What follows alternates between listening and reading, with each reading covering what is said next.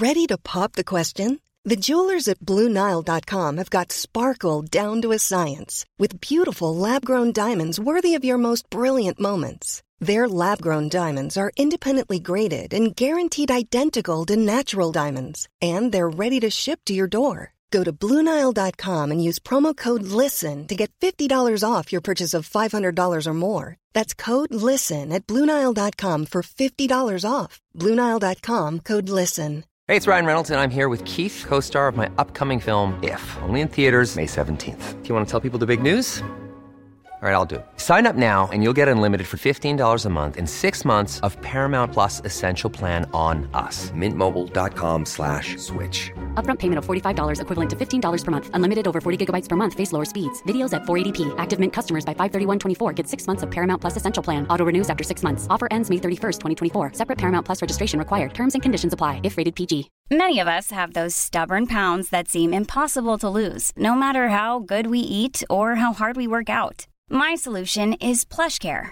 PlushCare is a leading telehealth provider with doctors who are there for you day and night to partner with you in your weight loss journey. They can prescribe FDA-approved weight loss medications like Wagovi and Zepbound for those who qualify. Plus, they accept most insurance plans. To get started, visit plushcare.com slash weight loss. That's plushcare.com slash weight loss.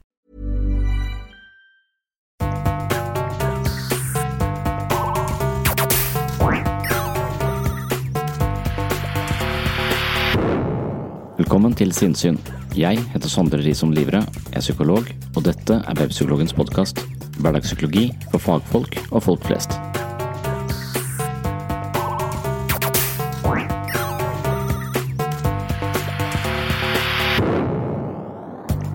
Dette er den tredje episoden fra en fagdag i Mandal i mai 2018. Temaet for dagen var recovery, altså ulike perspektiver på hvordan mennesker blir friske fra sykdom, utvikler seg og lever mest mulig tilfredsstillende liv. I dagens episode snakker jeg mye om flokken, og hvordan gode grupper med mennesker kan skape vekst og utvikling, mens dårlige grupper kan gjøre folk syke. I denne perioden var jeg spesielt interessert i den nyeste boken til David Disteno, som heter Emotional Success, The Power of Gratitude, Compassion and Pride. Og før jeg tar deg med til Mandal, skal jeg begynne med en kort oppsummering av boken til Disteno. Jeg har vært inne på den i en tidligere episode, men dette er så viktig at vi må se litt mer på hva Disteno kan fortelle oss om den overraskende veien til suksess. Når man dykker ned i litteraturen som omhandler medfølelse og takknemlighet, finner man samstemte og oppsiktsvekkende resultater. Den nye boken til psykologiprofessor David Disteno ved Northeastern University i Boston tar for seg hvordan prososiale følelser utvikler seg for at vi skal klare å motstå umiddelbare fristelser til fordel for en langsiktig måloppnåelse. Det er ikke uvanlig å anta at mye viljestyrke er viktig for å lykkes. Vi kan tilstrebe viljestyrke gjennom selvfornektelse, men de fleste av oss gir opp nyttårsforsettet før vi ser enden av januar. Viljestyrke er med andre ord et svakt og ustabilt utgangspunkt for å lykkes. Disteno viser oss derimot at motivasjon og selvdisiplin for å nå langsiktige mål i bunn og grunn er knyttet til prososiale følelser. Disteno setter sin hypotese inn i en evolusjonspsykologisk kontekst. Han argumenterer for at mennesket er et sosialt vesen som overlever i kraft av sin tilhørighet i flokken. For at flokken skal fungere, må den enkelte være villig til å ofre noe for gruppas ve og vel. En gruppe fungerer dårlig dersom den består av en haug med egoister. Dermed har vi utviklet evnen til å utsette umiddelbare impulser og behov for å sikre gruppa som helhet på litt lengre sikt. Denne egenskapen er altså noe vi har tilegnet oss fordi sosial samhandling gagner oss som rase. Vår evne til å tenke mer langsiktig, utsette umiddelbare behov, utøve selvdisiplin og ofre egne goder for å vinne noe i en tenkt fremtid, er altså egenskaper tett forbundet med våre sosiale forpliktelser, og dermed vil de samme egenskapene ha langt mindre kraft dersom de brukes kun for vår egen del. På et slikt grunnlag, supplert av en haug med underfundige eksperimenter, konkluderer de Steno med at prososiale følelser knytter oss til fellesskapet og sørger for at vi lykkes med de målene vi setter oss. Når vi forsøker å nå våre mål alene, med viljestyrke som våpen, har vi langt mindre suksess. Dermed er du bedre tjent med å kultivere medfølelse, takknemlighet og omsorg for dine omgivelser dersom du vil lykkes. Når jeg leser boken til Desteno, tenker jeg på Dalai Lama som stadig forteller oss at vi bør meditere på kjærlighet og medfølelse, noe som gir mening i denne konteksten. Det er vel heller ikke uten grunn at Jesus var så opptatt av å være raus, kjærlig og medfølende. I dagens episode begynner jeg altså med Desteno, ettersom denne boken inspirerte meg mye da den kom i januar 2018. Deretter springer jeg ut i mange retninger, og noen vil kanskje mene at dette er fri assosiasjon på ville veier. Hvis det finnes en rød tråd i dette, så er det helse og tilfriskning. Jeg snakker om forholdet mellom kropp og syke, trening, psykoterapi, mindfulness og det som kalles recovery, ettersom det er overskriften på fagdagen i Mandal. Jeg snakker også litt om den siste boken jeg har skrevet, som heter Psykologens journal. Den kan selvfølgelig bestilles fra webpsykologen.no, og den handler om livets store spørsmål. Det er en bok hvor jeg er mer personlig til stede i samtaler om psykologi, filosofi og religion. Det er vanskelig å snakke om de store spørsmålene uten å forholde seg til menneskets religiøse overbevisninger. Med andre ord er tematikken for dagens episode ganske omfangsrik, og du som følger sinnssyn vil ha hørt en del av dette i tidligere episoder. Før vi tar turen til Mandal, klarer jeg ikke å fri meg fra å spille et lite klipp hvor George tar for seg flere av temaene som dukker opp i dagens episode. Den kjente karakteren fra Seinfeld går til psykolog og snakker om suksess, fiasko, Gud og helseangst.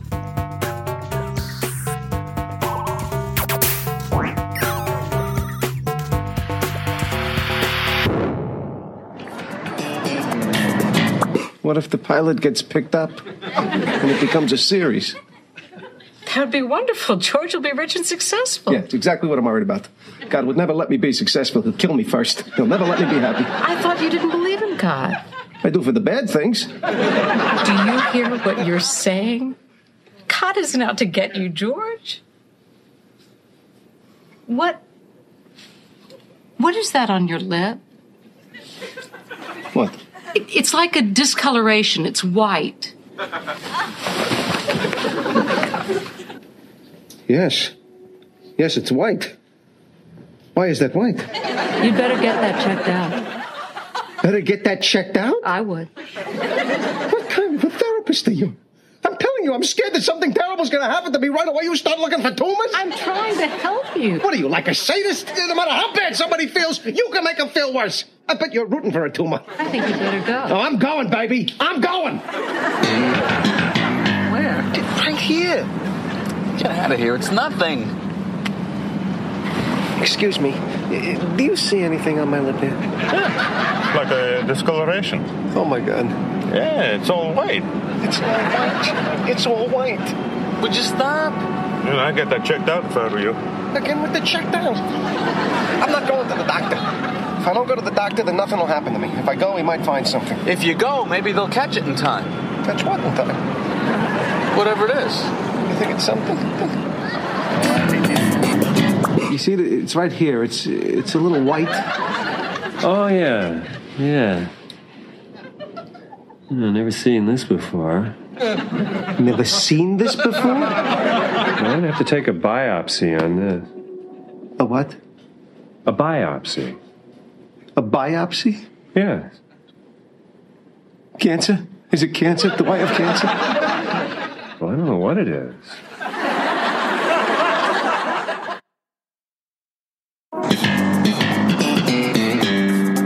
He took a biopsy, Jerry. A biopsy. What'd he say? He said he didn't know what it was. All right, so? Well, when I asked him if it was cancer, he didn't give me a get out of here. That's what I wanted to hear. Cancer? Get out of here. Ah, maybe he doesn't have a get out of here kind of personality. How could you be a doctor and not say get out of here?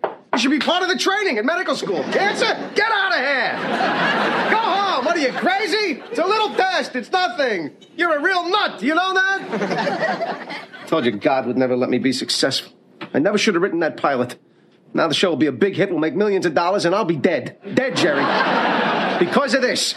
Can't you at least die with a little dignity? No, I can't. I can't die with dignity. I have no dignity. I want to be the one person who doesn't die with dignity. I live my whole life in shame. Why should I die with dignity?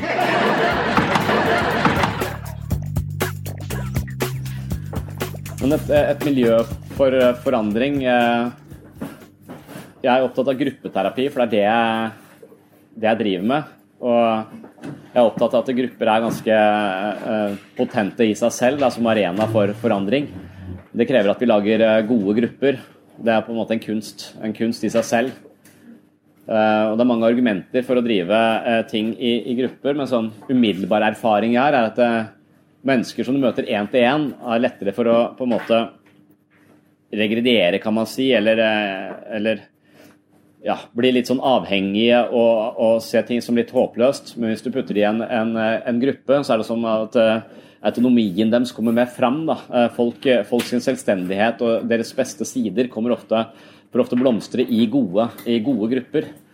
Uh, samtidig med denne erfaringen med at hvis du har grupper som er åpne og oppriktige, så er dette å, å, være i en sånn gruppe et sted hvor du kan senke skuldrene og også, også trene selv på å være mer i pakt med den du, den du er. Da, og, og ha, et, ha, en arena hvor du kan få, få, være mer oppriktig og ligne andre og føle deg som en del av, av fellesskapet.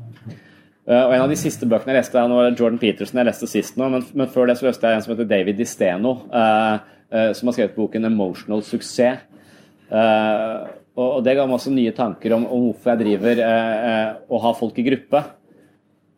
Og, og, er opptatt av å lage miljøer for forandring. Da. For det, Disteno har jobber på et universitet, så de har masse sånne laboratorier hvor de driver og undersøker folk på ulike måter og utsetter dem for merkverdige eksperimenter. Men, men det, han, det, som liksom er litt overskriften på dette med emotional suksess, da, hvem er det som har følelsesmessig suksess? Men egentlig snakker vi om hvem er det som lykkes, lykkes i livet, og hvorfor gjør de det? Og, det handler bl.a. om dette med, med, å, med at viljestyrke ikke fungerer. Som jeg nevnte så vidt i stad. Altså at viljestyrke er en flyktig følelse som er et svakt utgangspunkt for forandring.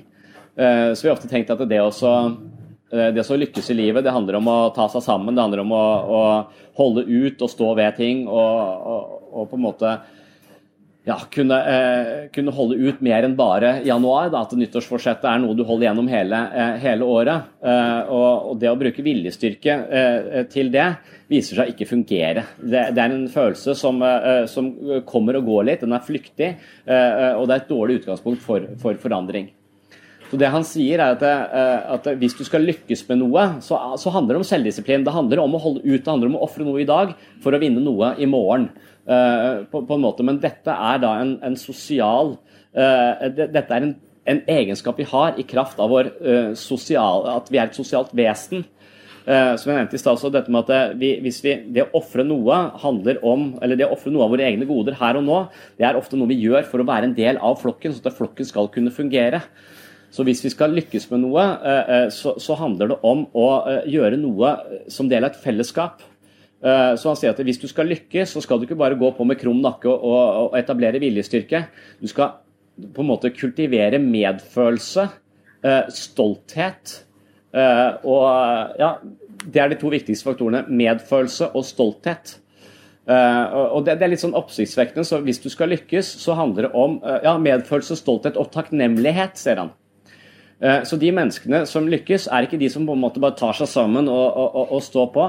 Det er de som kultiverer gode følelser for andre mennesker, er takknemlige for den situasjonen de er i, eller takknemlige eh, for, for ting, og, og, da er stolte av det de, det de driver med.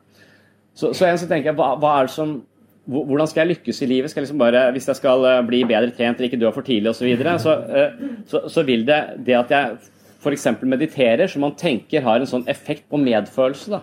Altså, meditasjon kan være Du snakket om en som krumma litt på nesen når han hørte ordet 'mindfulness'. Og det, det, er kanskje fordi det har blitt så populært, og man tenker at det tilhører en litt sånn New Age-kultur og en sånn meg-generasjon hvor vi bare mediterer for min egen, min egen ro. Men dypest sett så mediterer vi eller driver med mindfulness for å forstå at dette ego lurer oss inn i livets kamp og hele tiden skal tilkjempe seg noe nytt eller skal et annet sted for å få det bra der framme. Noe som gjør at vi aldri på en måte er til stede her, uh, her, og nå, og hele tiden må ha noe mer for å føle oss hele. Idet vi avslører det egoet, så vil ikke egoet vårt lenger være så innmari opptatt av å skulle ha noe mer. Vi får et ego som er mer i balanse, og da vil behovene våre endre seg fra å være egosentriske til å være mer altruistiske. Uh, og Dette er liksom kjent fra veldig mange psykologiske teorier. Habermas snakket om dette, at det dukker opp metabehov. Hvis du har på en måte fått mat, uh, og, og, hvis du har disse grunnleggende behovene dekka, og du begynner å realisere deg selv, så etter hvert som du får et ego i balanse, så dukker det opp en helt ny form for behov. Det handler om å gi noe til andre, og ikke bare få noe fra andre. Uh, og, det å kunne gi noe til andre, det, er, på en måte, det er helt i øverste sjiktet av behovshierarkiet. De fleste visdomstradisjonene mener at de skal kultivere dette underveis.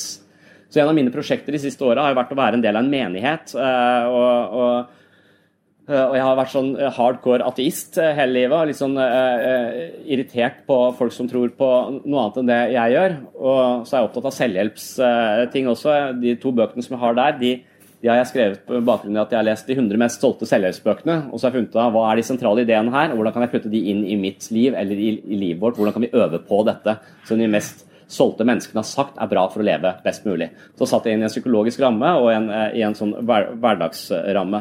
Og et av, de, et av, de, tipsene jeg fikk, uh, tror jeg var Benjamin Franklin, uh, var at du kan velge mellom å ha rett eller ha gode relasjoner.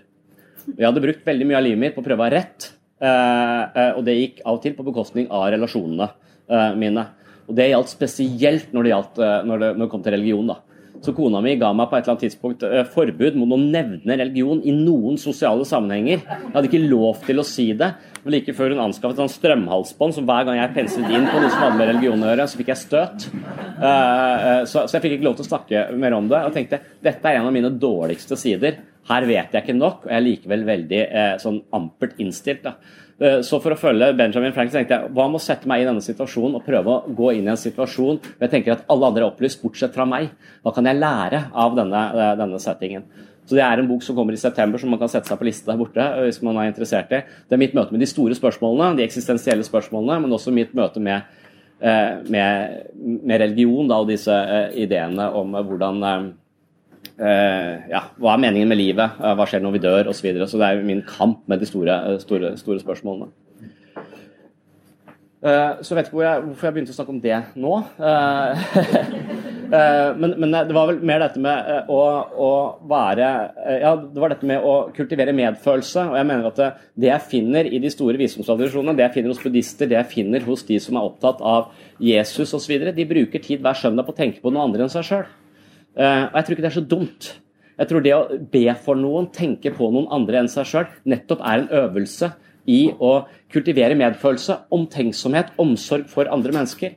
Og jeg tror kanskje det er det beste eh, livet har å by på, når du glemmer deg selv til fordel for et annet, eh, eh for et annet menneske. Uh, og Jeg tror eh, Jesus visste det, jeg tror Buddha visste det. Jeg tror Daila Lama Det er ikke tilfeldig at han hele tiden går rundt og messer om at vi skal meditere på, på kjærlighet og medfølelse og takknemlighet. Uh, fordi det kan endre livet vårt ganske, ganske mye. Så, eh, så meditasjon har, har, denne effekten at hvis du oppdager at egoet ditt er en sånn instans som hele tiden lurer deg til å få noe mer for å føle deg hel, og du avslører det der spillet der sånn, så vil du ofte finne en slags ro inni deg som er helt annerledes, hvor du ikke trenger noe mer for å få det bedre, men faktisk har noe å gi. Eh, så, så, meditasjon er, kan på en måte dempe egobehovene litt, og plutselig endre disse behovene til litt mer metabehov, som handler om å gi noe til andre.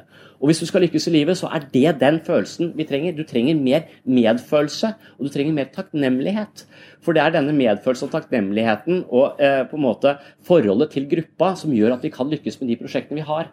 Så skal du endre deg i forhold til fysisk helse, meld inn en treningsgruppe hvor dere går sammen om noe, istedenfor å gjøre det eh, individuelt. Så, så, og, da, og, da, tenker jeg Det er nettopp den kraften der som han setter veldig ord på i denne emotional suksess. Det er den kraften jeg tror kanskje er mye Jeg anser ikke meg selv som er en veldig god terapeut. Uh, men, men, jeg tenker at jeg er flink til å lage gode miljøer for forandring, hvor vi nettopp har grupper som fungerer sammen for å nå mål uh, uh, i, i, fellesskap. Da, og ulike grupper. Eh, og blant annet så, en, eh, så har vi en, en mindfulness-gruppe hvor vi også snakker om ideene bak mindfulness. Og vi snakker om uh, hvorfor det kan fungere, hvordan det kan fungere. Mindfulness er jo det, det, det først og fremst er bra på, i forhold til det det, det er forsket på, er å, er å, sørge for at man ikke eller det, det forebygger nye depresjoner. Det er, den, det er, den, viktigste egenskapen mindfulness kanskje har. Altså det, det, er, det er en viss effekt på depresjon og angst osv. Men, men der det virkelig seiler opp som en ener, det er når det gjelder å forebygge nye depresjoner. For sjansen for at du, eh, du får en, eh, en, ny depresjon når du har vært deprimert én gang, er veldig, eh, er veldig, stor. Og Det er ofte fordi at du har, vet hvordan det er nede i dette mørket. Og, og hver gang du da får et lite Eh, litt eh, på en måte føler at humøret ditt er litt nede, så blir du redd for at dette er en ny depresjon, og så begynner du å kjenne etter på det som en ny depresjon, og så vil denne frykten for at det er en ny depresjon, på en måte eh, nærmest skape en depresjon. da. Eh, så mindfulness og kognitiv terapi henger veldig tett sammen. Kognitiv terapi sier at følelsene du har over lang tid, som depresjon, de opprettholdes fordi du tenker på en måte. Du krisemaksimerer. Nei, nå er jeg deprimert nå kommer jeg til å være deprimert lenge, og nei, dette har jeg opplevd før, så så lang tid tar det. Så du, du har ideer om, hva, uh, om hvordan dette forløpet kommer til å være, og det på en måte ja, den, det binder følelsen fast. altså Du har den over, over, over lang tid. Mens meditasjon, det, det, å hvile som en observatør, da får du denne opplevelsen at tanker kommer, tanker går, følelser kommer, følelser går. Selv om du har en dupp i følelsene dine, så betyr ikke det en ny eh, depresjon. Det betyr bare et, naturlig svinge i følelsene dine. Og det å hvile som en observatør til dette, og ikke være fange av sitt eget indre liv, det er på en måte igjen denne prefrontal cortex som styrker. Det gir, oss, det gir oss mer kapasitet til å tåle forandringer og sterke følelser i, i, i, i livet vårt. Så jeg liker, eh, jeg liker, ideen miljø for forandring. Jeg liker å skape, jeg liker, tenker at jeg prøver å skape et miljø for forandring. Og selv om jeg da er innenfor rammene av en poliklinikk, eh, eh, så, så har jeg en, et ønske om at det å være Poliklinikken er poliklinikken, men jeg tilhører gruppepoliklinikken. Der er vi fem stykker. De som jeg nevnte i stad, de forskjellige yrkesgruppene. Og Der nede så, så, har jeg en idé om at vi skal ikke bare se på det som en psykiatrisk poliklinikk, men som et slags psykologisk universitet, liker jeg å tenke, eh, tenke på det som. Jeg liker å tenke at vi har eh, vi tar utgangspunkt i disse kvadrantene med ulike innfallsvinkler til psykisk helse, og at vi klarer å skape, ha intervensjoner innenfor alle disse kvadrantene. Eh, og så er det en del forskning som viser at det som kalles cross-training, det å gjøre flere ting på en gang, har bedre effekt enn å bare gjøre én ting. Så vi la oss si du har fire timer til selvutvikling i løpet av uka. Så bør du ikke bruke fire timer eh, hos terapeuten, hos psykoterapeuten. Du bør heller ikke bruke fire timer hos den personlige treneren eller fire timer med meditasjon. Du bør bruke én time på, i psykoterapi eller selvransakelse. Du bør bruke én eh, time til meditasjon og én time til trening. Du bør fordele det utover flere områder, intervenere i flere kvadranter. Så vokser du raskere på de ulike, uh, ulike områdene. Så cross-training viser seg veldig ofte å være ganske effektivt. Men noen holder det bare å intervenere i én kvadrant. Men jeg tror det er få. Så jeg tror Grunnen til at vi får så mye reklamasjon, da 80% som kommer tilbake til oss, er at vi har bare hatt et for snevert fokus på hva, dette, hva tilfriskning innebærer. Eh, så hvis du virkelig skal, eh, skal, forandre deg, så trenger du å være i et miljø for forandring. Et positivt miljø som, eh, hvor du kan ha en innvirkning på gruppa. At du er viktig for gruppa, og gruppa er viktig for deg. Og Når man, når man på en måte rekrutterer folk til gruppe, så er jeg, ikke, jeg gir blaffen så jeg sier, i, i i diagnosen jeg vil bare at du skal være eh, motivert eh, og interessert og på en måte bidra. Og Derfor så vil jeg stresse rammene i grupper veldig mye når jeg lager grupper for forandring. Og rammene, da mener jeg at rammene må være sånn at du, du, skal, du skal, respektere denne eh, taushetsplikten i en sånn gruppe. Eh, og du skal også komme på tida. Eh, og, og, du skal på en måte prioritere dette ganske høyt i livet ditt. Du skal vise at du, du, skal investere i det for at det skal få noen betydning. Og med en gang disse rammene, du ikke er flink til å holde på disse rammene, så sklir effekten av gruppa vekk, og, og, og, og gruppa blir ikke et potent sted for forandring eh, eh, lenger. Så De av dere som har muligheten til å lage, eller som skal hjelpe mennesker i gruppesettinger, bør være litt sånn, eh, litt sånn rigide på rammene og få folk til å prioritere det. Og Med en gang folk begynner å komme litt seint, så signaliserer de noe til hele gruppa om at ja, dette er kanskje ikke så viktig, han kommer sånn når han vil, og så går han litt tidlig. Eh, så det er kanskje ikke så viktig likevel. Og så da dreneres gruppa for, uh, for mening. Samtidig så, er, så, så, så, rammen er viktig, komme på tida er, er viktig. og det er viktig å, å, å for, for, Jo mer du respekterer gruppa, jo mer verdi pumpes inn i gruppa, jo mer potent blir dette miljøet for, for forandring. Og så er det også viktig, altså Hvis vi skal lage miljøer for forandring, så må vi også vite hvorfor vi går der vi går. Vi må vite hva som er årsaken til at dette fungerer. Eh, og Der tenker jeg kunnskap kommer inn i bildet. Vi må vite litt om disse kvadrantene. Vi må vite litt om hvordan det fysiske og det psykiske henger sammen. Og vi må kanskje ha et språk for det. Vi må kanskje ha et språk til de menneskene vi møter, på hvorfor du går i turgruppa. Altså, så, så de slipper å tenke at de er bare plassert den, eh, i den gruppa som folk har gitt opp. Eh, men at turgruppe, at økoterapi, at friluftsterapi har ganske mye for seg, og hva det er for noe. Så, så, der liker jeg forskning. Jeg er opptatt av forskning, jeg er opptatt av ny kunnskap om ting som kan understøtte det vi driver med, og gi det en større tyngde. For det jeg opplever det som viktig, så vil det også bli viktig, eh, eh, viktig for meg. Dette gjelder jo ikke bare i psykologi, selv om det gjelder kanskje mer i psykologi enn det gjelder i somatikk. Men, men placeboeffekten i somatikk er også ekstremt stor. da. Altså, Hvor mye hjelp du får av pille, handler om fargen på pilla, hvor stor pilla er. Kapsler funker bedre enn tabletter, injeksjoner funker bedre enn kapsler. ikke sant? Så, så det handler om hvordan du får presentert dette remediet. og Jo, jo mer viktig du anser det, jo mer effekt har det, eh, har det også. Det, det, du må gi, jeg husker ikke hvor mange prosent mer morfin du må gi en person for at det skal virke smertelindrende. eh, Men hvis du da informerer om dette er eh, morfin og de gir deg smertelindring, så trenger du mindre. Eh, Hvis du ikke vet om det, så trenger du mer. Så, så alt vi opplever, både fysisk og psykisk, tolkes på en måte gjennom dette operativsystemet. og Det er viktig hva slags verdi og holdning vi har til det vi holder, holder på med. Så vit hvorfor man trener. F.eks. hvorfor skal jeg være med deg i treningsgruppa? Hvis du trener mye på egen hånd, eller har ortoreksi og er opptatt av å trene døgnet rundt, så skal du ikke være med meg i treningsgruppa. Da skal du slutte å trene. Så, så det er jo forskjell på, forskjell på folk. Når man ser på trening, ulike, så, er det innmari lett å finne gode grunner for å holde seg i god, god, fysisk form. Ingvar Wilhelmsen er ikke enig i det. Han, han mener at hvis du skal trene, så skal du tenke deg godt om, for han mener jo at eh, den tiden jeg bruker på trening, den gir meg kanskje noen Kanskje jeg får tilbake den tida som et litt lengre liv, da, men bare den tida. Så jeg trener en time, så får jeg en time lengre liv eventuelt. Men jeg får det helt på slutten, sier han. Uh, og, da, og da er jeg så dement og skrall at da vil jeg egentlig ikke leve lenger. Så han mener at du burde bare holde deg, mm, uh, holde deg unna. Men da føler jeg at jeg, jeg kan skjønne, jeg skjønner begrunnelsen, men, men på den annen side så, så, vil også vedlikehold av kroppen det vil gjøre noe med selvfølelsen eh, min. altså Kjenne at kroppen fungerer.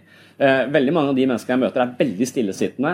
Eh, og, og de, de, på en måte tror at de får et hjerteinfarkt bare ved å gå ned til bilen. Og, og, og, hvis kroppen din fungerer så dårlig at du ikke kan være med på en tur som går i en time, og det er det mange unge mennesker som ikke kan, kan ikke gå en tur på en time uten at de får all verdens med plager. Eh, eh, og, det ser vi i denne denne turgruppa. Det er klart at det, du, kan, du, må jo faen gå rundt med å være livredd hele tida, for du kjører rundt i en maskin som overhodet ikke er kapabel til å ta deg fra A til B Eh, hvis bilen stopper. altså Du har ikke kontroll på dette her. Så det å få mer styrke i kroppen vil automatisk gi en annen form for selvfølelse. og Det kunne rette seg opp i ryggen, og, og, og, det å få på en måte sterkere, uh, sterkere muskler vil helt klart ha en psykologisk effekt. Men det er ikke bare det. altså Du kan bare pøse på med andre studier som viser at det, Eh, det, å, det, det organet i kroppen som mest påvirkes av trening, er hjernen f.eks. Eh, og, og hvis du før en IQ-test går en tur på 20 minutter i raskt tempo, så scorer du 2% bedre på IQ-testen eh, senere. Du kan faktisk varme opp for en, for en, teoretisk prøve også. fordi at det åpner hjernen din på en annen måte. Du kan bruke den mer. Så, så, så psykologien vår påvirkes av fysisk aktivitet. Eh, og det er også sagt at de mennesker som har god kondisjon, har høyere IQ. Så da er spørsmålet er de smarte folka som jogger, eller er det jogging gir deg høyere IQ? Det, det, hvilken vei går det der? Det, det er jo ikke så, så, øh, Det kan man jo spekulere på. Jeg vet ikke om man har slått det fast. Men måten man undersøker det på, har vært på, øh, på menn i militæret. For i militæret så blir du tvunget til å løpe 3000 meter så fort du kan. Uh, og du blir tvunget til å gå ganske langt. og Tvunget gjennom en hel haug med sånne sesjon er en hel haug med fysiske tester, men også tester på hvordan uh, kognitivt sett du fungerer. Og da ser man at God kondisjon og god fysisk helse henger sammen med gode også psykiske, uh, psykiske ferdigheter. Så, så, jeg har tenkt at man kanskje kan jobbe meg, jogge meg smartere. Så en kamerat som er, har vært verdensmester i eh, orientering, han mener at han har jogga seg dummere. Eh, for han har brukt så mye tid på det at han vet egentlig ingenting om hva som foregår i resten av eh, eh rundt ham. Sånn, ja. Så jeg er opptatt av å begrunne hvorfor gjør vi det vi gjør, og hva slags effekt har det. Eh, og, og dermed så, De gruppene her er mindfulness-grupper, er treningsgrupper, psykoterapigrupper, vi har et verksted hvor, hvor, vi jobber og samarbeider for å liksom teste ut litt hvordan er det å være i en arbeidssituasjon. Og så har vi det jeg kaller biblioterapi. Og Biblioterapi er den, måte, den mest interessante arenaen for meg. og den, den, den, den arenaen som jeg hadde håpet at eh, flere kunne adoptert. Da. Altså jeg føler at Biblioterapi Egentlig kalte jeg bare kollokviegruppe, men så fant jeg ut at kollokvie betyr gruppe.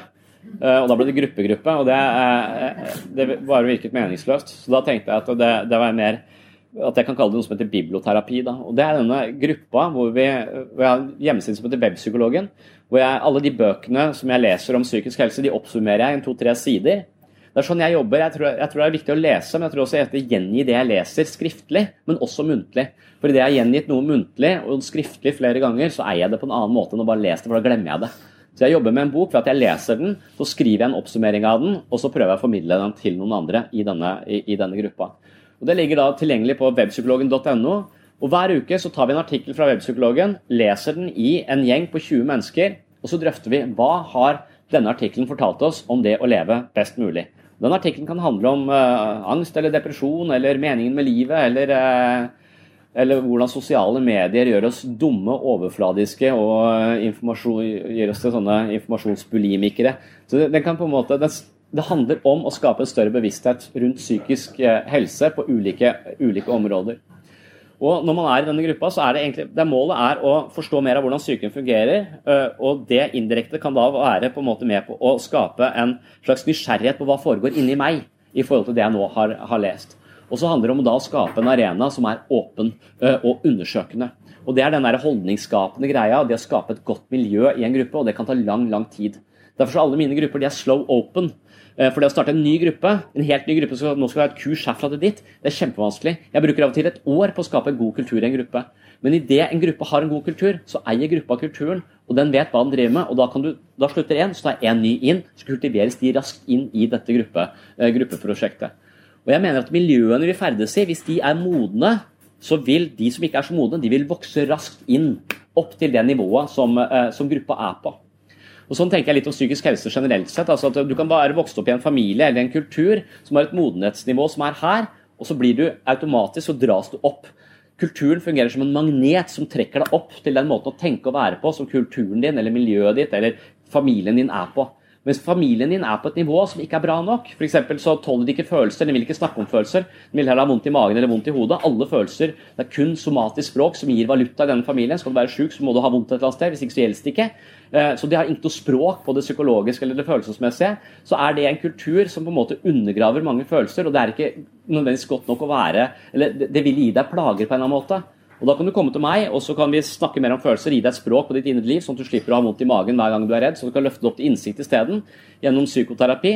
Men når du kommer tilbake til den gruppa du, du, hører til, og de fortsatt ikke er interessert i å føle noe, for det skaper så store bølger på dette sosiale, i dette sosiale landskapet, og det vil vi helst ikke ha noe av, vi har ikke bedt om denne forandringen, så vil kulturen fungere som en motmagnet. Så idet du vokser forbi noen, så trekker den deg tilbake til utgangspunktet. Og det er vanskelig med, med, med, forandring. Du kan forandre deg i én arena, men så vil du tilbake i den samme arenaen som ikke har forandra seg, ofte trekkes tilbake. For der har vi et mønster, en måte å, omgås på, som på en måte vi har sånn stilltiende øh, på en måte aksept for at det er sånn vi, sånn vi, holder på her. Og hvis noen da endrer seg mye, så får det ringvirkninger, og det er det ikke sikkert om de andre har bedt om.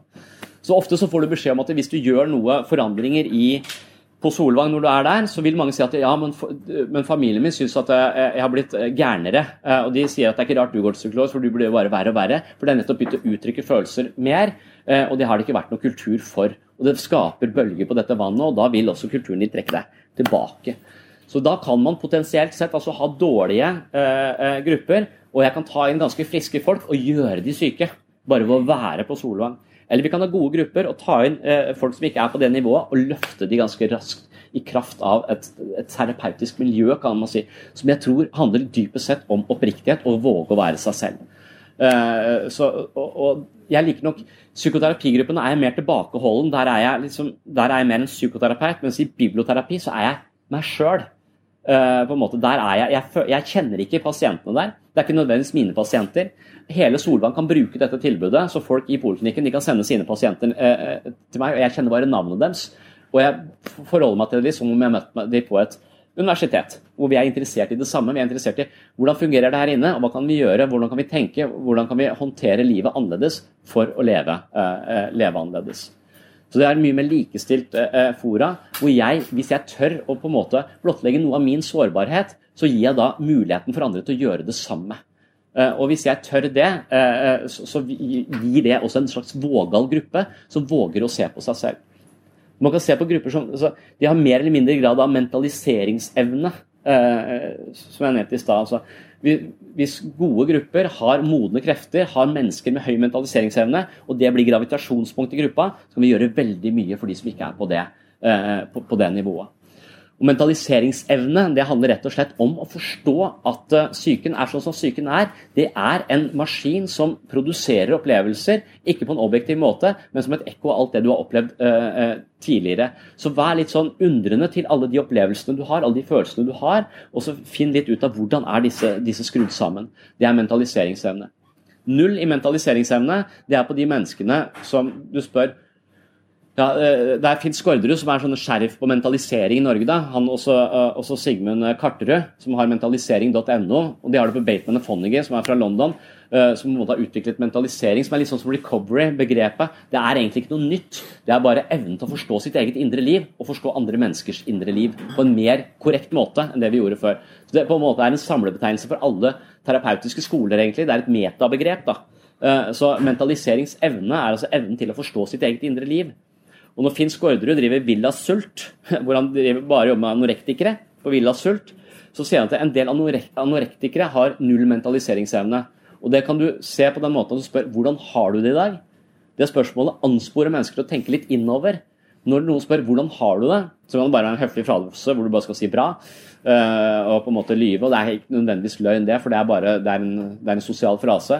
Men hvis du spør disse hvordan har du det egentlig da, hva, hva, så er det spørsmål hva foregår inni deg? Kan du gi en rapport på hvordan du har det i tanker, følelser osv.? En stemningsrapport fra ditt indre liv. Kan du vise meg det nå? Og Hvis du spør en anorektiker om det, uh, så, så, som har lite mentaliseringsevne, så vil svaret være 'jeg vet ikke, for jeg har ikke veid meg ennå'. Så, så istedenfor å forstå noe av det som er her inne, så er hele livsprosjektet i vekt og kropp og noen ytre faktorer. Så i stedet for å forholde seg til følelser som er flyktige og kommer og går osv., og, så videre, og vanskelig og lite håndgripelig, så har du gjort hele livsprosjektet om til å gå ned i vekt. Så hvis jeg er under 30 kg, så er det dritbra. Over 30 kg ræva. Eh, så, så to, to, kategorier. Så der jobber han altså med å, eh, mentaliseringsevne, evnen til å forstå sitt eget indre liv, og ikke bare fokusere på de ytre, eh, ytre tingene. Og Hvis vi klarer det, så, denne, så trener vi denne muskelen her, som også er mindsight-muskelen. Evnen til å se innover, og ikke bare fokusere, eh, fokusere, eh, fokusere utover. Så eh, får vi kanskje ta en dialog Så når jeg møter mennesker som er interessert i å forandre seg, så anbefaler jeg dem, hvis de ikke er i jobb osv., eh, å bli med i flere grupper samtidig. Lære seg meditasjon, bli med å trene. Hvis ikke de gjør det i livet sitt allerede. Noen holder det med bare gruppeterapi eller bare psykoterapi. Eh, men veldig mange må også endre seg på flere arenaer eh, samtidig. Og jeg liker å eie de arenaene. Jeg liker å vite at jeg har muligheten til å hjelpe folk på mange forskjellige områder samtidig. Og der er jo jeg hemma fordi jeg jobber i psykisk helsevern i andrelinjetjenesten.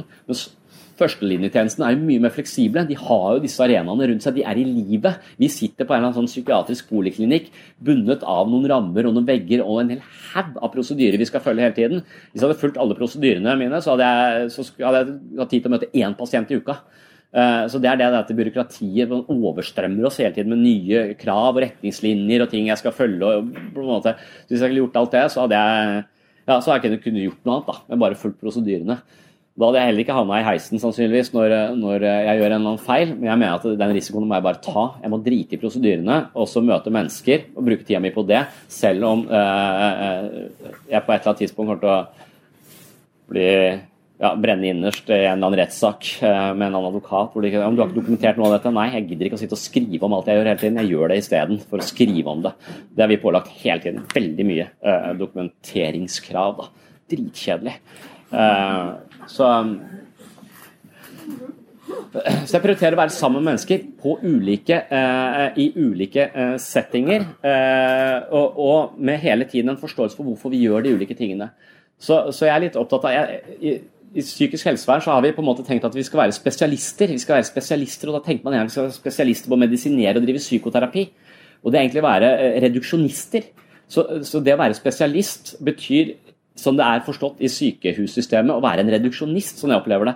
Mens det å være spesialist betyr egentlig å være generalist. Det betyr å forstå bredden i problemet og vite når du ikke har kompetanse på det som, eh, som trengs, og heller eh, sørge for å koble inn. Altså ha kunnskap om kvadranten og alle disse fasettene ved det å være, være menneske. Og forstå det og verdsette de ulike intervensjonene likt. Og gi de tyngde og, og på en måte eh, mening, og formidle dette til folk, sånn at de kan sette sammen en utviklingsplan som, uh, som fungerer for de. Uh, så jeg er veldig imot behandlingslinje som sier at én diagnose skal behandles på én måte. Jeg mener at ett menneske skal få et tilbud som en slags legokloss du kan sette sammen. Vi sammen kan finne ut av hvor i hvilke kvadranter skorter det mest hos deg, og hva slags ting kan vi gjøre i de ulike kvadrantene for at du skal få best mulig hjelp. Så Jeg liker mer å tenke på, uh, på tilbudet som en type Jeg har noe jeg kaller tilbudstorget, hvor det henger 15 plansjer på alle de tingene du kan drive med hos oss. Og så skal jeg forklare deg hvorfor du skal de forskjellige tingene, og så skal vi sammen finne ut av hva du skal gjøre. Som en legoklossmodell snarere enn som en behandlingslinje. Mens det man vil, fordi vi er et somatisk sykehus, vil at én diagnose skal behandles på én måte. Og, der, og, så får vi kritikk hele tiden når vi ikke driver med det. Og Det var det jeg viste innledningsvis. at uh, Har du én diagnose, så kan du få vidt forskjellig uh, uh, behandlingstilbud. Avhengig av hvilken terapeut du møter, avhengig av hva slags syn vedkommende har på, på ditt problem.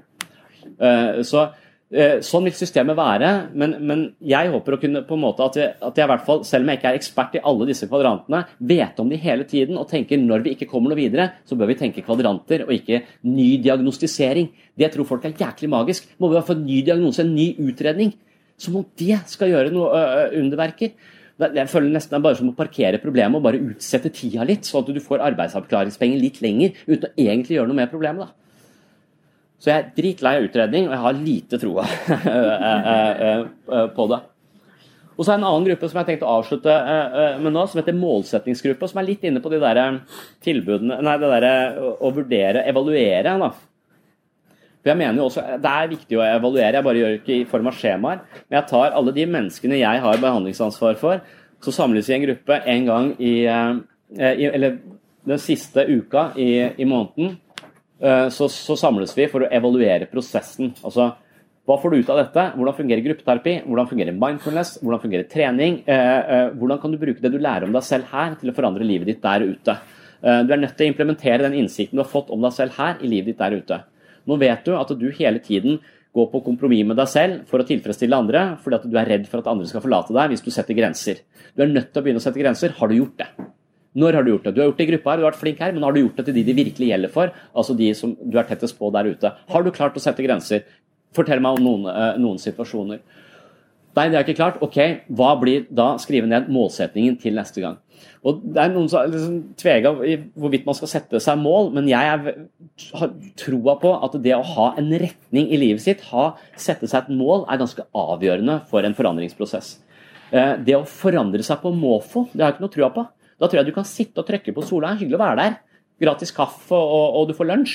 Uh, så, så, det er klart det er, er, hyggelig å være der, men hvis du bare er der for å være der, så er det litt som å melde seg inn i et treningsstudio og tro at du blir sterkere ved å sitte i garderoben. Uh, altså, du, må, du, må, gjøre noe, du må bruke dette her, og du må ha en plan på hvor du skal. Og, og, og jeg tenker også at det er viktig å se og Det der med brukerperspektivet, det er altså litt sånn sketsjy. Altså, brukeren har, vet best. altså mange av de jeg møter, er der fordi de ikke veit best. altså. De har virkelig ikke visst best. Eh, eh, og, og, de trenger noen nye, friske, eh, friske øyne på det. Så, så, jeg mener at mye av min jobb, og mye av den grunnen til at folk blir forbanna på meg, er at jeg ser folk som er høyere enn det de selv føler at de er. Så, det har jeg lært av Viktor Frankel, som satt i konsentrasjonsleir og skrev en av de beste selvhetsbøkene jeg har lest, eller psykologibøkene, som heter 'Man's Search for Meaning'. Uh, og, og han, han, har et sånt populært forhold han sier at du må for all del ikke se mennesker så som de ser seg selv, for da gjør de de middelmodige og dårlige. Du må se de høyere enn det de er, for da har de noe å strekke seg mot og kan, uh, kan vokse. Så det er når jeg ser at mennesker har mer potensial enn det de faktisk lever ut, at de ikke sier du skjønner ikke hvordan det er, du skjønner ikke hvordan det er å ha så vondt osv. Så, videre, og så, videre. så de, de føler at jeg da ja, eh, ikke forstår de. De føler seg misforstått. Eh, fordi at de mine briller eh, ser at de har et høyere potensial enn det de lever. Men hvis de da skal leve opp til det potensialet, så blir livet deres mye mer meningsfullt, men også mye mye mer ansvar. Mye tyngre å bære. Men hvis de bærer det ansvaret, så vil livet få en helt annen valør enn det det er i nå. Men det er en jobb å gjøre, og det krever ganske, ganske mye. Og for å komme den veien, så må du vite, du må ganske konkretisere hva du gjør. Hvorfor gjør du det du gjør, og ha en plan på det. Eh, og Derfor er jeg opptatt av å ha denne målsettingsgruppa en gang i måneden, hvor vi, hvor vi, hvor vi egentlig evaluerer det dette skjemaet kanskje skal, eh, skal bidra å gjøre. Vi evaluerer hvordan funker det, hva funker ikke, hva vil du vi skal uh, gjøre annerledes, hva tenker du vi kan gjøre annerledes om, om din prosess. Og så vil jeg at folk skal skrive det ned. Og det vegrer folk seg for. Du, mange av de menneskene jeg møter, hvis du spør ja, hvor, hva er planen din, vet ikke.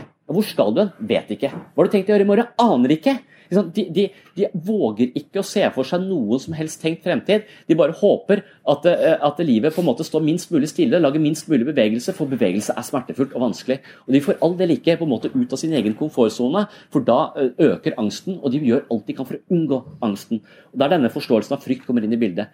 Hvis, ikke, hvis du hele tiden tilstreber å være mest mulig trygg, så stopper livet ditt. Det er som å dø i livet. på en måte. Du er nødt til å hele tiden være litt i periferien av det du tåler, for å bli litt sterkere og for å bevege seg. Det er det som er livet. Eh, på en måte. Mens mange ønsker å på en måte stå eh, eller Det de føles best å stå stille og ha minst mulig bevegelse, men det gir også livet, det gjør også et meningsløst liv. Eh, så, så, bevegelse handler om også å skape, våge å skape mer mening. Og Da, da viser det at det å skrive ned noe har ganske stor betydning. Og for, for eksempel, Hvis du skal hjernevaske folk og det bruker jeg det, eh, noen teknikker eh, ja, men jeg bare leste, ikke sant? Du vet, Mennesker har sånne forskjellige triggere, så hvis du kjenner de triggerne, så kan du få de til å gjøre nesten hva som helst. Um, dette er den der The Push fra, som ligger på Netflix nå, hvor han der Darren Brown får folk til å drepe mennesker. Bare ved å på en måte påvirke miljøet deres og dytte de i forskjellige retninger. Så til slutt så havner de i en situasjon hvor de dreper et annet menneske, uskyldig annet menneske som de vet er uskyldig. Eh, eh, så, så han mener at vi, kan på en måte bare ved å endre disse faktorene rundt her, eh, så kan vi på en måte styre mennesker i ulike, ulike retninger. og En av de, de, faktorene er at et menneske liker å være konsekvente. Så hvis vi har sagt noe, så liker vi å stå for det. Vi liker ikke å fremstå som minglepettere. Og det kan man utnytte hvis man f.eks. driver Toys R Us, da, som jeg har hørt er nedlagt nå. Men hvis du driver Toys R Us, så, så kan du bruke denne, denne kunnskap om at mennesker liker å stå ved det de har sagt.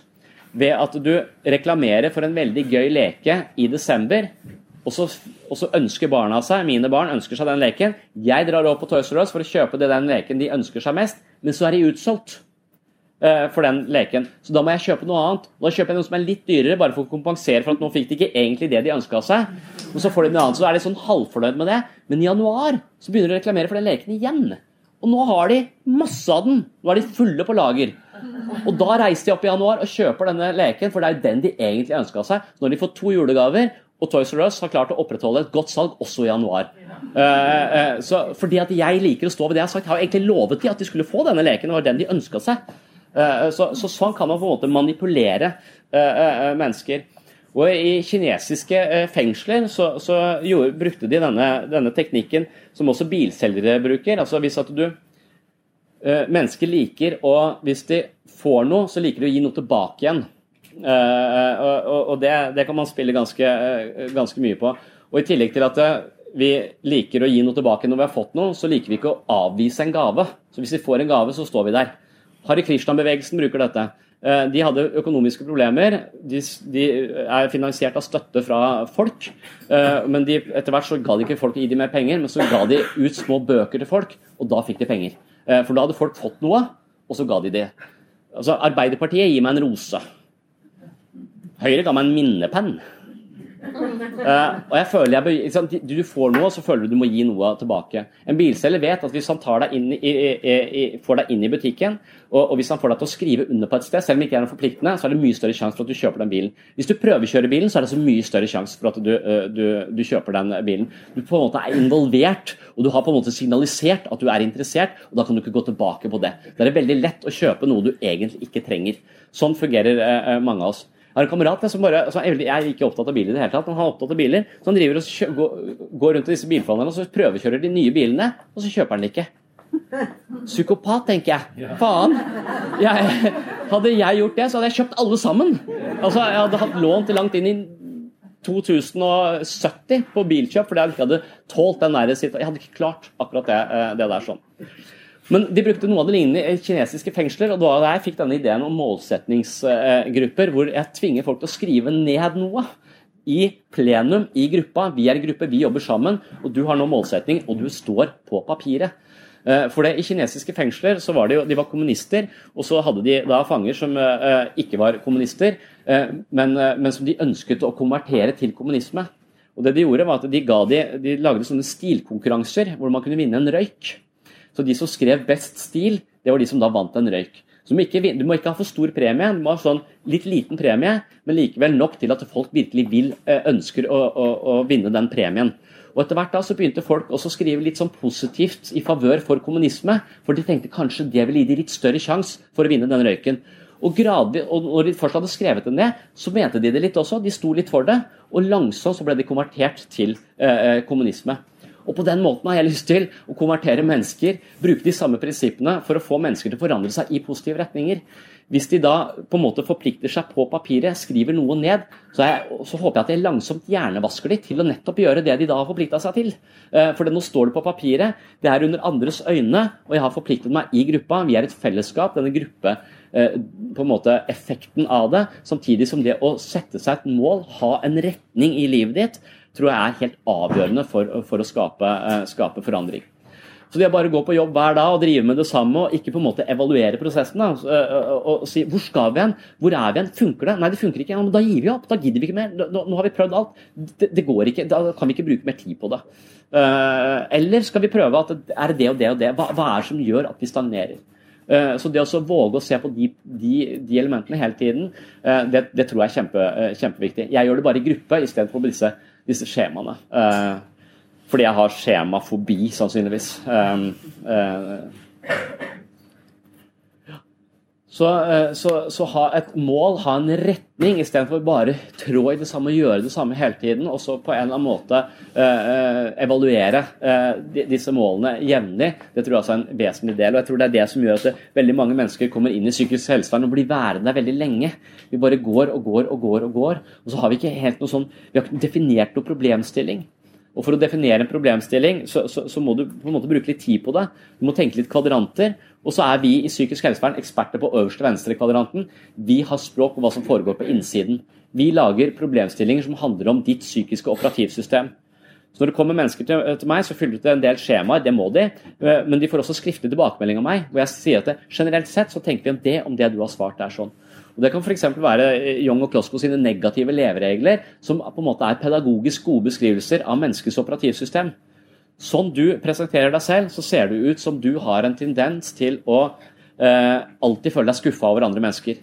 Det kan virke som om du har hatt mennesker som ikke har brydd seg noe særlig eh, om deg, aldri egentlig tilfredsstilt dine, eh, dine, behov. Du har en forventning om at alt, folk alltid kommer til å svikte deg hele tiden, og du stiller veldig høye krav til folk og, og, og blir hele tiden skuffa når de ikke tilfredsstiller dine eh, krav. Du må dempe kravene dine til andre mennesker og ta litt mer ansvar selv. Eller, altså, Vi lager sånne helt konkrete beskrivelser av at jeg er en person som alltid tenker at jeg er dårligere enn alle andre. Derfor så stiller jeg meg alltid bakerst i køen, kommer alltid sist. Og så blir jeg så småirritert på at jeg aldri får uh, komme først i køen eller bli prioritert. Men jeg sier det ikke til noen, og så går jeg rundt, er sint inni meg uh, og blir utapå. Og, så, og, og dette kulminerer da i passivitet og dyp depresjon.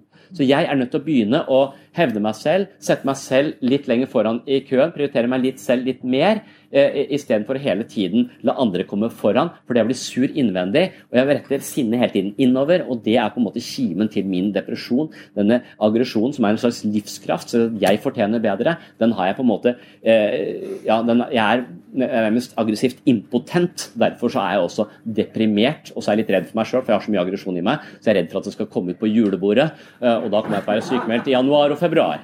Eh, så jeg må, jeg må tørre å sette mer eh, ord på de kraftige eh, følelsene mine. Har jeg gjort det i gruppa? Har jeg sagt fra at nå mener jeg dette her er irriterende? Nå har jeg egentlig ikke turt å si det. Har jeg våget meg ut, i, ut av komfortsonen min for å skape, skape forandring? Så vær kreative, lage målsetninger som både går på psykoterapiprosjektet, det er det vi kan, det er det vi er spesialister på.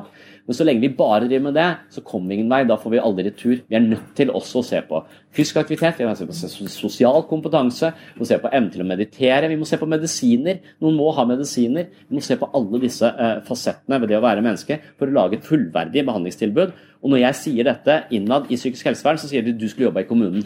Så, ja, jeg skulle kanskje det. Uh, uh, men jeg er så glad i kontoret mitt, så jeg nekter å flytte. Jeg har nemlig organisert kontoret mitt sånn at jeg kan bo der hvis du skulle gå skikkelig dårlig på hjemmebane. Eh, så, så, jeg er redd for å få et kontor hvor jeg må dele det, eller at jeg ikke har plass til sofaen og alle CD-platene mine. Eh, som også er på kontoret mitt, for øvrig. Mm. Ja, vi har ledig psykologstilling i ja. Mm. Vi skal nok sørge for et ordentlig kontor og ja. ja. Men da lurer jeg på om vi tar en liten strekk, og så Eller uh, bare sånn kort en? Eller? Ja, uh, ni minutter over halv er tilbake. Ni minutter over halv, faktisk. Ja.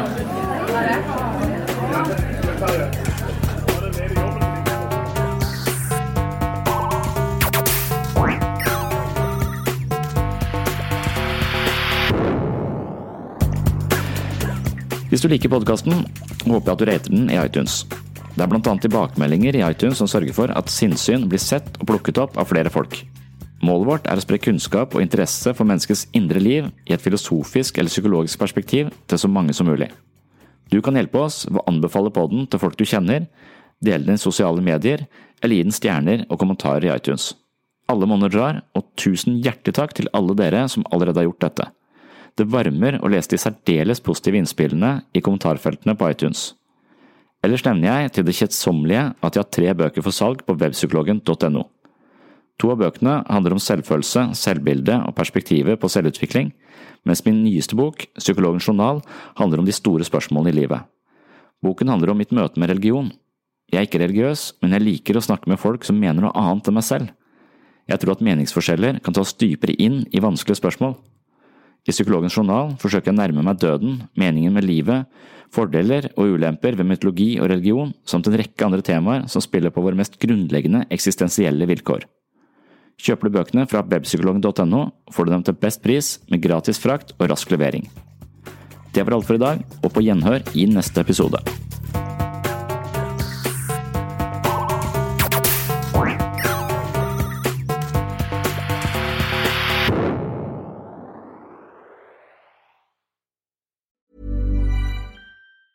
Okay, I have two new obsessions that I need to share with you.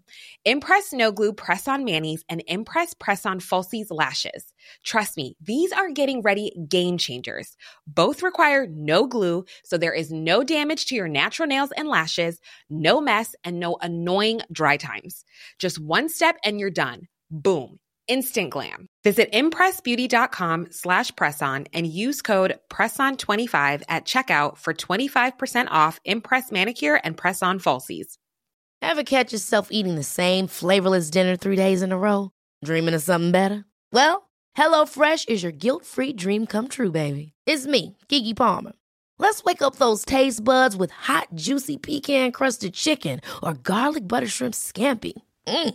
Hello Fresh.